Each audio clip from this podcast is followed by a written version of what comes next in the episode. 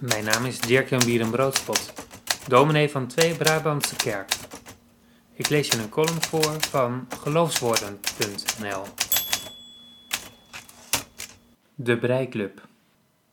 Is dit nog recht te breien? Vraag ik me af bij het lezen van Trouw vandaag. De tweedeling van de maatschappij begint met een paar averechtse steken. Deze vakantie las ik de bestseller van Rutger Bregman. De meeste mensen deugen. Ik was er zo waar van overtuigd dat er een andere rode draad door de geschiedenis loopt. We zijn als mensen sociale wezens en we zijn bereid om elkaar te helpen. Maar die draad lijkt op de breiklub al afgehecht te zijn. Het kost me even moeite om niet met zwart-wit in te steken, door te halen en af te laten glijden. En ik weet dat ik nu echt alle schijn tegen me heb, maar ik kan toch echt niet breien. Waar ik op reageer is het volgende. Een 83-jarige breister zegt dit in de krant. Ik heb toch ook recht om te leven? Dat ga ik toch niet inleveren voor die snotneuzen? De voorzitter van de breiklub heeft zijn eigen breipen al net zo grof opgezet.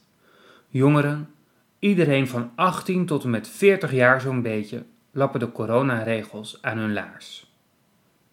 Deze proeflap wil ik maar eens even uithalen en de wol maar weer even op de bol winden, voordat het een kluwer wordt waar helemaal niets meer mee te beginnen is. Eigenlijk vind ik het jammer niet te kunnen breien, want het levert nu al enigszins kazige, maar toch prachtige beeldspraak op. Graag spreek ik de taal van wie ik tegenover me vind. Denkbeeldig schuif ik een ochtendje aan met het breiwerkje. Wat moet het dan heerlijk zijn om de patentsteek in de vingers te hebben. Een steek waarbij je recht en averechts afwisselt. Zo ontstaat de rek in het breiwerk. Met dank aan Google, die in dit geval de breiklub even vervangt. Het lijkt me een uitermate genuanceerde breisteek, die bovendien heel wat ruimte geeft op plaatsen waar dat prettig is. Bijvoorbeeld in de kol van je trui. Laten we de uitspraken in de krant dan nu even in mijn voordeel averechts noemen. Dan mag ik nu even recht verder. Hoe verdrietig is het om te denken dat er geen plaats meer voor jou is in deze wereld? Dat mensen je liever eenzaam achterlaten om zelf het leven te kunnen vieren, dan dat ze naar je om willen zien. Daar springen oprecht de tranen van in mijn ogen. Alleen is het probleem wel dat je dan heel erg bijziend de ogen gefocust hebt op je eigen handwerkje. Ik zou er iets tegenover willen stellen. Maandenlang hebben mensen soms haast onbegrijpelijke regels nagevolgd, zonder daar zelf echt belang bij te hebben. Dat deden ze juist voor mensen van de breiklub. Bovendien zijn er nog altijd, ik denk zelfs in de meerderheid, mensen die zich wel aan de coronaregels houden. Breien zal ik niet snel in de vingers krijgen. Het ontbreekt me aan geduld. Bovendien houd ik liever mijn onverdeelde aandacht bij het gesprek. Waar ik nog geen steek van begrijp is dit. Hoe kan het dat je alleen maar om offers vraagt? Er zijn mensen die hun baan verloren, jongeren die aantoonbaar eenzaam en depressief thuis zaten, en zorgpersoneel dat onder applaus tot grote prestaties werd gedreven. Welk offer zou de breiklub dan kunnen brengen? Het is als godsdienst, denk ik. De vraag is telkens wat ons geloof moet brengen. De vraag wat God van ons nodig heeft, wordt niet zo snel gesteld. Toch wil ik nog wel een plooi glad strijken. Natuurlijk op lage temperatuur, het geheel moet niet onder de strijkbout verbranden. Ik begrijp heel goed dat het gevoel ontstaat dat ouderen niet meer meetellen.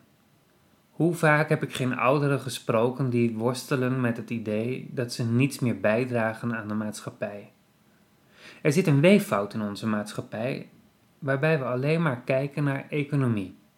Maar vandaag stond brei op het programma. En van weven weet ik al helemaal niets. Wat ik wel weet is dit.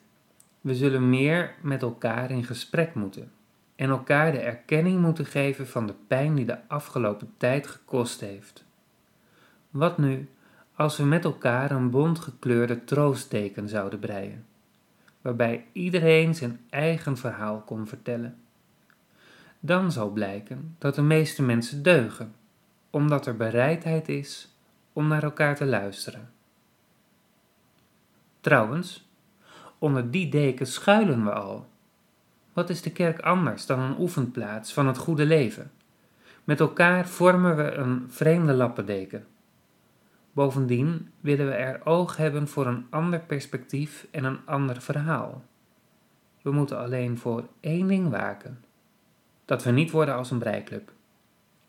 Overtuigd van het eigen gelijk en opgesloten in versteende overtuigingen. Je luisterde naar een column die ik schreef voor geloofswoorden.nl. Vond je het de moeite waard? Deel het gerust met anderen. Graag tot een volgende keer.